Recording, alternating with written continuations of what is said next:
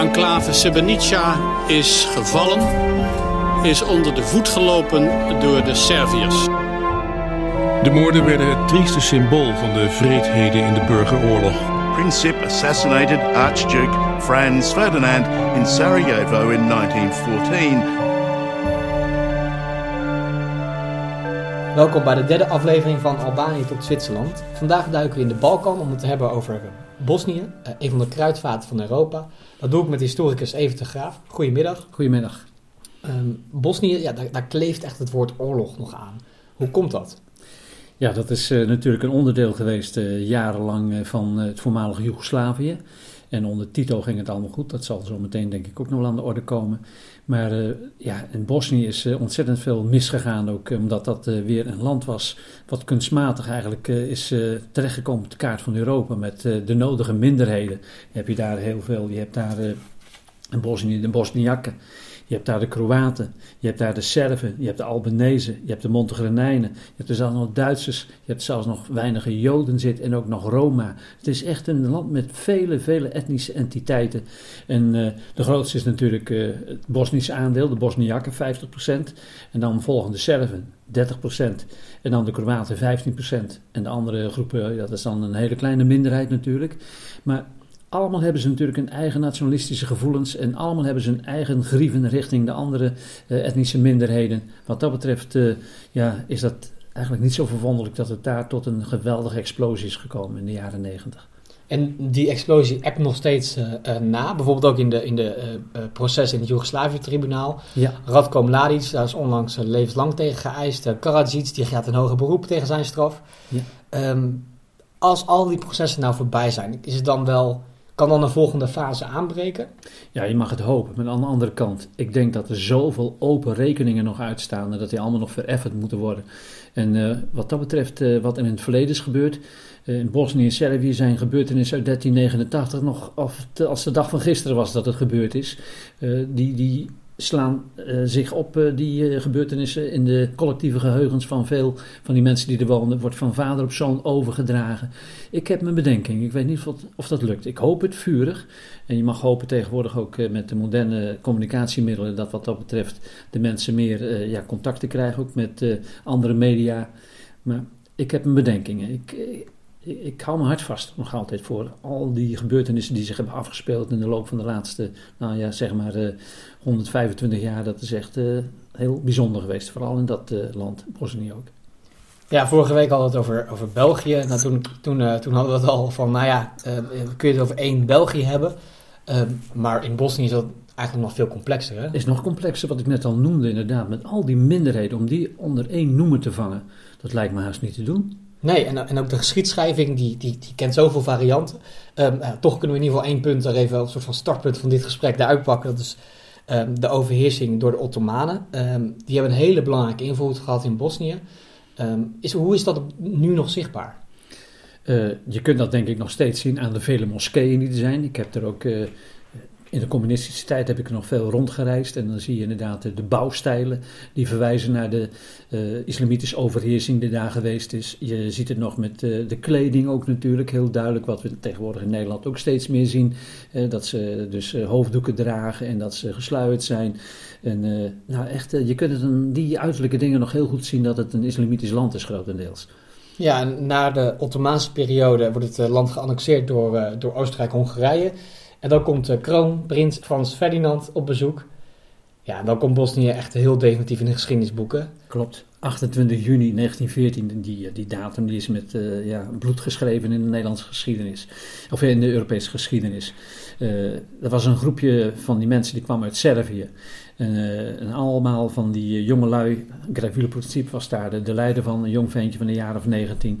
Ze waren lid van de bende van de Zwarte Hand en die hadden maar één doel, dat was het vermoorden van de, de troonpretendent van Oostenrijk-Hongarije. en op zich was die man, zelfs in hun ogen, niet eens helemaal zo fout. Het was waarschijnlijk een veel modernere man dan uh, degene die nog aan de macht was, Frans Jozef, ooit getrouwd geweest met keizer Sisi. Zijn vrouw ook verloren in 1898 door een uh, aanval van een terrorist die er met een schaar wist dood te steken op een boot in Genève, bij het meer van Genève. Maar in ieder geval, hij stond eigenlijk waarschijnlijk moderne veranderingen voor, maar dat wilde die lui helemaal niet. Die wilden gewoon eigenlijk één ding, hij moest vermoord worden en ze wilden eigenlijk met hun daad een soort martelaarstatus bereiken, dat dan de volken in opstand zouden komen, dat ze dan de Oostenrijkers en de Habsburgers definitief het land uit zouden trappen. En uh, nou, tijdens die uh, gebeurtenis op uh, 28 juni 1914, ze stonden met een man of 7, 8 langs de kant. En een paar die hebben toen al meteen gedacht, dit gaat niet goed. Die hebben toen ge gezegd, we gaan er door. Die hebben helemaal niet opgetreden langs de route die de open auto zal nemen met de aardzetter Frans Ferdinand en zijn vrouw Sophie Gotek naast hem. eentje heeft het geprobeerd, een andere kameraad van hem. En die gooide een handgranaat en die viel net in uh, ze reden met een cabrio, zal ik dan maar zeggen. En die kwam op die bekleding. En toen de chauffeur wat gas gaf, uh, rolde het ding eruit en die explodeerde achter de auto. Gat in het wegdek en een paar officieren die in de buurt waren, die raakten gewond. En op het eind van de dag, toen nam hij opeens het besluit van: ik wil eigenlijk die gewonde officieren wil ik, uh, eigenlijk bezoeken. En toen werd er opeens afgeweken van de route. En toen hebben ze verkeerde afslag gemaakt. En sommige artikelen, ik geloof dat er zelfs een boek is, één verkeerde afslag Gevolg 10 miljoen doden. Hij nam een verkeerde afslag, de chauffeur wist het niet en hij moest draaien net voor het café waar Gravilo Principe eigenlijk zijn teleurstelling aan het wegdrinken was enzovoort. En die ziet daar opeens voor zijn ogen die auto staan, die open auto met de, de aardzetter Frans Ferdinand erin. En bedenkt een moment, springt op de treeplank en schiet van dichtbij. En aardzetter Frans Ferdinand eh, neer en zijn vrouw. Allebei zijn ze toen later overleden. En toen ging het hele internationale spel van verdragen, dat ging op de wagen. En van het een kwam het ander. En uiteindelijk is daar de Eerste Wereldoorlog uit voortgekomen. Door die aanslag van Gravilo Principe, een Serviër, lid van de Bende van de Zwarte Hand, op 28 juni 1914 in Sarajevo. En dat is eigenlijk een, een, een terroristische aanslag in de periferie van Europa, zo, zo, zo zouden we het kunnen zeggen. En dat heeft dat leidt zo'n enorme explosie aan geweld, uh, heeft het als gevolg. Ja, hoe kan dat? Nou, je had toen in die periode, zeg maar vanaf uh, eind 19e eeuw tot en met de Eerste Wereldoorlog, had je ontzettend veel verdragenpolitiek. je begon al eigenlijk twee kampen te zien in Europa. En misschien wel vooraf heel veel Europeanen, als je die geïnterviewd had rond 1900, en je had gevraagd, er hangt een oorlog in de lucht, tussen wie zal het gaan? Dan hadden ze gezegd, dat zal gaan tussen Engeland en Frankrijk. Uiteindelijk zijn ze elkaar toch uh, weer uh, gaan benaderen en er is een uh, Entente Cordiale gesloten in 1904 en later kwamen in 1907 de Russen erbij. Dus dat was de Entente Cordiale, de Entente-landen werden ze genoemd. Later de geallieerden. Aan de andere kant had je al bewegingen al op het eind van de 19e eeuw dat in 1879 Duitsland en Oostenrijk-Hongarije de tweebond sloot. Echt als één land werd aangevallen zou de ander hen steunen. Er kwam in 1881 kwam daar nog Italië bij, de Driebond. En zo zie je dan twee kampen zich ontwikkelen. En uiteindelijk, wat je misschien helemaal niet zou verwachten, maar eh, dat heeft natuurlijk toch te maken met het feit dat ze van de Balkan verdreven waren. Toen dachten de Turken, weet je wat, ik sluit me aan bij waarschijnlijk toch wel de potentiële winnaars bij Duitsland en Oostenrijk en Hongarije. De Turken vochten ook weer mee aan de kant van die uh, centrale. En later ook de Bulgaren. En toen is dat tot, uh, ook door die geheime diplomatie die er was, men wist niet eens wat men allemaal deed, door die internationale verdragen, eigenlijk sleurde het ene land het andere mee. Hoog spel van uh, de met name Oostenrijkers, die toen de aanslag had plaatsgevonden, echt een ultimatum stelden aan Servië. Want daar kwam die bende vandaan van uh, Principe dat nooit eigenlijk uh, uit te voeren was. Ze eisten dat Oostenrijkse politieagenten op Servisch grondgebied op zoek moesten naar de daders. Nou, elk land zal dat altijd weigeren. Rusland, toen die hoorde dat inderdaad Oostenrijk zo hard optrad tegen de Serven, die hebben gezegd, uh, Serven, je rug recht houden, je kunt altijd rekenen op onze steun. En zo zag je dus dat spel op de wagen komen, dat die twee kampen lijnrecht tegenover elkaar kwamen te staan. Kwamen te staan. En uiteindelijk is dat uitgemond ook een, eh, ongeveer een maand later tot de Eerste Wereldoorlog, die van 1914 tot en met 1918 heeft geduurd. En dat allemaal door een student in Sarajevo? En dat allemaal door een 19-jarige student uh, die opgepakt werd. Ze dachten dat ze hem nog uh, zouden gaan lynchen, maar hij werd uiteindelijk bevrijd door de uh, politieagenten en hij is opgesloten in een heel luguber slot. je hebt misschien wel eens een keer gehoord van Theresienstad. Terezin, dat is een van de ergste kampen ook geweest van uh, de Duitsers. Ook aan de ene kant een modelkamp, dan komen we misschien op met Duitsland. Maar daar is hij net, eh, de oorlog was net afgelopen, eind 1918 is hij overleden. Ehm, ja, en, eh, en, dan gaan we richten ons even op Bosnië, want uh, dat is het land waar het over gaat. En ja. de, de, internationale echt geopolitiek die dat als uh, teweeg brengt, laten we even links liggen. Daar komen we zeker nog op terug bij Duitsland, Engeland, Frankrijk. Laten we even een sprongetje maken naar de Tweede Wereldoorlog. Met een soort van guerrilla-beweging in Bosnië maakt één man het daar de naties wel, wel heel lastig. Um, dat is Jozef Broz Tito. Ehm, waarom, ja. was hij, waarom was hij succesvol? Uh, zijn eigenlijke naam was dus uh, Jozef Broz. En uh, zijn partisanennaam was Tito. De Duitsers hebben zelfs nog een tijd lang gedacht dat het een vrouw was. Heel bizar. Maar hij was dus inderdaad, en ook nog eens een keertje van Kroatische afkomst. Maar dat is een man geweest die heeft toen een aantal partisanen rond zich weten te verzamelen.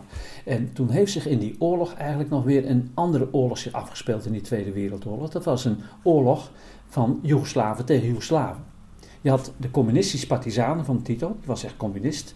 Uh, had inderdaad ook uh, zich laten uh, inpalmen door de ideeën van Karl Marx. En was inderdaad ook aanhanger geworden van Lenin en van Stalin. En die is toen inderdaad ook begonnen met een partisanenleger, voornamelijk bestaande uit communisten. Trouwens, in Nederland was het communistische verzet ook oververtegenwoordigd. De communisten hebben wat dat betreft een grote rol gespeeld. En uh, dan nemen ze het op tegen met name ook een aantal Joegoslaven die eigenlijk weer terug willen naar een koninkrijk. Die willen dat een verbannen koning Peter, dat hij weer op de troon zou moeten komen en dat zijn de Chetniks geworden. En dan heb je nog weer een andere beweging, beweging dat is de Ustasja-beweging.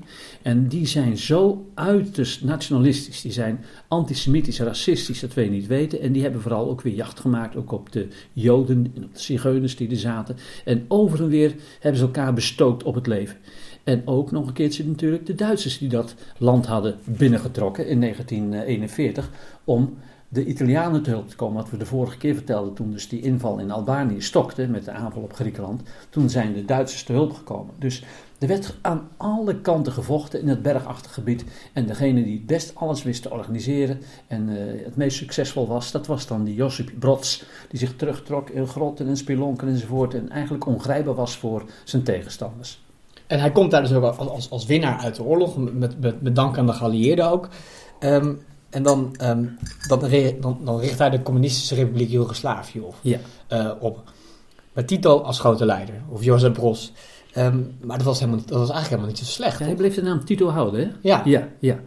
Nee, hij heeft toen in het begin ook uh, een beetje de kat uit de boom gekeken. En uh, toen had je ook nog de Marshallhulp. En ik meen zelfs dat hij ook nog als een van de weinige landen in Oost-Europa de Marshallhulp heeft weten te accepteren. En toen heeft Stalin wel al ingezien, en die had altijd dat al op zijn agenda staan, geheime agenda. Ik wil gewoon die gebieden die we bevrijden, daar willen communistische regimes neerzetten. Dat zijn allemaal bufferstaten. Mocht er ooit weer eens een aanval komen van Duitsland, het was al gebeurd in 1914 en nu weer in 1941. Dat moeten we zien te voorkomen. Dus dat moet satellietstaten worden van de Sovjet-Unie.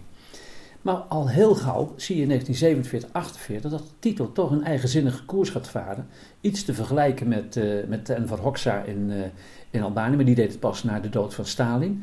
Maar hij gaat echt een eigen koers varen. Hij wilde gewoon een soort onafhankelijk land zijn. En die sluit zich ook aan bij een aantal landen, de niet gebonden landen. Daar hoorde bij Indonesië, er hoorde bij India, er hoorde bij Egypte, maar ook Joegoslavië onder leiding van Tito. En die opereerde dus eigenlijk als een soort derde weg tussen aan de ene kant de kapitalisten en aan de andere kant de communisten. En dat zinde natuurlijk ook uh, uh, Stalin helemaal niet. Maar hij kon dat doen, Tito, omdat hij met zijn partizaan het land zelf had vrijgevochten van vreemde overheersing. Er waren geen Russen eigenlijk aan te pas gekomen om het land te bevrijden. Vandaar dat Tito eigenlijk uh, zijn eigen gang kon gaan, ook in dat gebied. Nu ben ik uh, in Bosnië geweest en dan zie je eigenlijk overal dat, dat Tito nog steeds wel als een held wordt gezien. Je hebt Absoluut. een, een, café Tito zelfs. Uh, ja. uh, een beetje, is een beetje populair om, om wat nostalgie naar Joegoslavië te hebben. Maar waarom, waarom wordt er met, met zoveel weemoed teruggekeken naar die periode? Ik denk dat hij, uh, hoe hij het precies allemaal heeft gedaan, ik denk dat hij best ook een, een dictator was en ook uh, de knoet uh, kon hanteren, net als andere dictators. Maar dat hij toch ook bijvoorbeeld een heel apart systeem van communisme, arbeiders zelfbestuur. Heel anders dan in al die andere Oost-Europese staten waar natuurlijk de koolgozen waren en de sofgozen. Al de fabrieken waren van de staat en je kreeg gewoon een, een, ja, een hongerloontje enzovoort. Dan moest je maar van rond zien te komen. Goed, Vele dingen waren gratis. Maar hij maakte ook die arbeiders verantwoordelijk ook voor het bedrijf waarin ze werkten. Arbeiders zelfbestuur. Kregen daar een, vingertje in de pap. En dat heeft hem ontzettend veel sympathie uh, dus eigenlijk opgeleverd. En bovendien wist hij ook, door toch een geleide staat en een goede geheime dienst ook had hij achter zich. Hij wist echt ook te zorgen voor controle en dat er inderdaad ook uh, geen opstanden plaatsvonden. En dat wist hij allemaal goed onder de duim te houden, die nationalistische gevoelens die er leefden bij al die verschillende etnische groeperingen binnen zijn rijk. En toen hij stierf in 1980, nou, toen was het eigenlijk al uh, natuurlijk uh, haast een bekeken zaak dat Joegoslavië hielden velen, en ik weet het nog goed, in mijn tijd een hart voor vast van zal dit land nog lang een eenheid blijven. In voormalig Joegoslavië woedt een bloedige burgeroorlog. Het land valt compleet uit elkaar als verschillende bevolkingsgroepen hun eigen staat opeisen. Srebrenica has been a catastrophe. De meeste mannen werden nooit teruggevonden.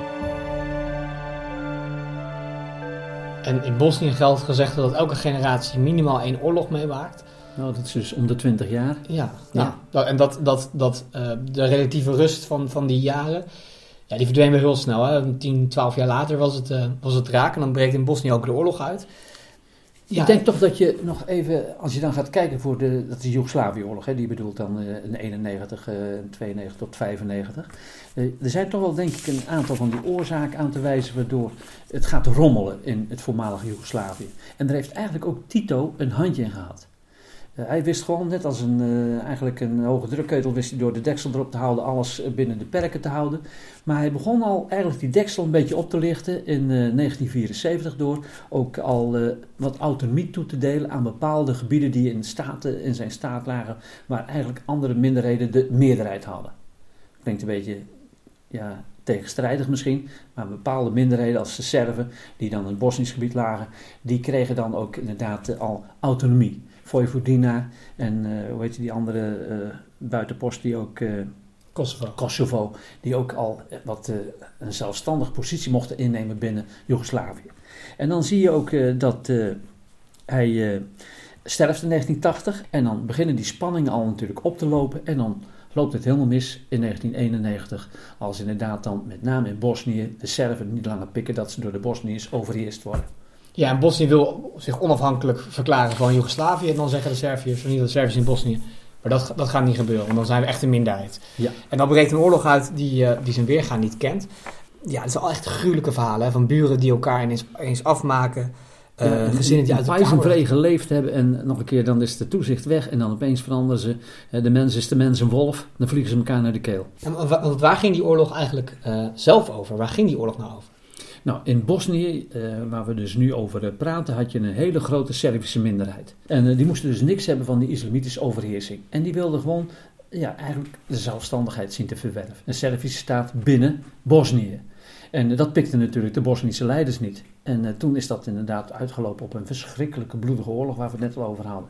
Een van de grootste tragedies is natuurlijk Srebrenica. daar heeft iedereen van gehoord. 8000 Servische, Bosnische mannen die, die op gruwelijke wijze vermoord werden. Uh, daar speelt Nederland ook een rol in, namelijk, want dat was de beschermheer van de enclave. Ja, Karremans uh, en consorten. Ja, onlangs was er nog een documentaire over van de, van de VPRO. Uh, en die documentaire ging eigenlijk over de vraag waarom geen luchtsteun.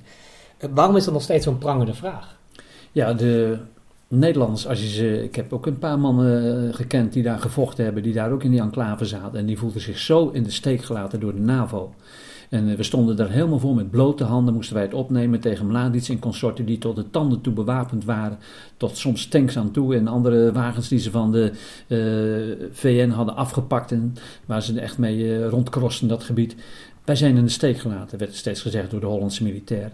En ja, dan is dat een beetje uh, koffiedik kijken van wie heeft uiteindelijk gezegd dat er geen luchtsteun geboden moet worden. En er wordt veel over gefilosofeerd.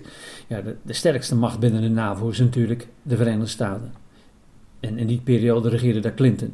En Clinton, ja, die heeft denk ik toch geweigerd, in overleg natuurlijk wel met de andere uh, lidstaten die van de NAVO deel uitmaken, met name denk ik de grote jongens uh, als Engeland en, en ook uh, Duitsland zal zich redelijk afzijdig gehouden hebben, want die had altijd nog de angst van wij moeten ons niet storten in een buitenlands avontuur, gezien wat er gebeurd is in de Tweede Wereldoorlog. Maar toen hebben ze gewoon besloten, denk ik, achter de schermen, we gaan geen luchtsteun gaan we toepassen. Het zijn speculaties, maar ik weet het ook niet 100%. Ik denk dat daar nog niet alles over bekend is. Nee, en, en uh, hopelijk komt dat ooit wel. Want het lijkt me toch wel fijn als, als daar inderdaad duidelijkheid over komt. wat daar nou precies gebeurd is en, en wat daar van bovenaf ehm, besloten is. Ik weet ook niet of daar nog geheimhouding op. Soms zie je dat inderdaad bepaalde bronnen eh, echt lang achter slot en grendel blijven liggen. Of die besluiten ook nog een keer eh, ja, eh, open en bloot eh, komen te liggen en dat ze echt bestudeerd kunnen worden. Dat weet ik eigenlijk niet. Ik hoop het van wel. Dat je dan meer duidelijkheid krijgt. Een half jaar later in ieder geval, ehm, ehm, dan ehm, wordt het Dayton-akkoord gesloten. En in dat Dayton-akkoord wordt het bloedvergieten gestopt. Dat is een vredesakkoord dat in Amerika is gesloten eh, tussen Bosnië, Kroatië en Servië. Het bloedvergieten eh, stopt, maar wat hield dat verdrag dan precies in van Dayton? Eh, er werd gewoon gezegd, we moeten tot een akkoord zien te komen, want eh, er werd ook druk uitgeoefend op Bosnië om dat te doen. Want ze waren gewoon bang dat er anders nog veel meer ja, bloed zou vloeien. En eh, ze werden eigenlijk gewoon gedwongen door allerlei ja, maatregelen waarvan de juiste finesses niet goed weten, ik, ik in ieder geval niet, om toch aan die onderhandelingstafel te blijven en het akkoord te ondertekenen. En tot op de dag van vandaag is dat akkoord van eh, Dayton nog steeds eigenlijk een, eh, ja, een eh, letter waar men zich aan houdt. En dat akkoord geldt nog steeds tot de dag van vandaag. Ja. Daarin is ook vastgelegd dat er twee entiteiten zijn. Hè? Dus, dus de Servische entiteit in Bosnië en de Bosnische Federatie. Ja. Als je Sarajevo uitrijdt, dan ben je een paar minuten ben je in het Servische deel Srpska, inclusief een ander, ander alfabet. Eigenlijk een andere wereld. Heeft het wel iets gemeen met elkaar? Ja, ook daar natuurlijk eh, kun je eigenlijk je hart vasthouden, uh, Srpska. Eh, dat zijn ook weer Serven die daar in het gebied de, de meerderheid vormen, terwijl ze in het hele gebied Bosnië natuurlijk een minderheid zijn. En eh, zij vertegenwoordigen daar dat eh, volk van de Serven en ze komen op voor de rechten van de Serven. En eh, er is al eens een keertje, meen ik in eh 92, een referendum gehouden van hebben wij recht op onafhankelijkheid.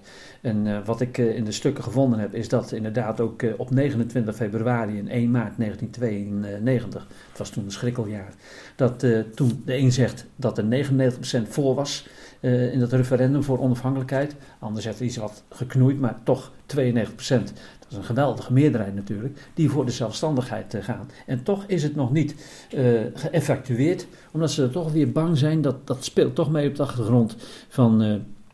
zal dat misschien weer tot bloedvergieten gaan leiden? Ja, ook omdat, omdat dan eigenlijk de, de, de, de generaals van toen toch gelijk kregen. Ja, wat je zei net al, dat elke generatie een oorlog eh, mee, mee moet maken. Dat, dat, dat zal de jeugd dan ook eh, mee moeten maken. Nou, ik denk dat de velen van die jeugdigen daar toch geen eh, zin in hebben om hun leven te geven voor de Republiek Srpska.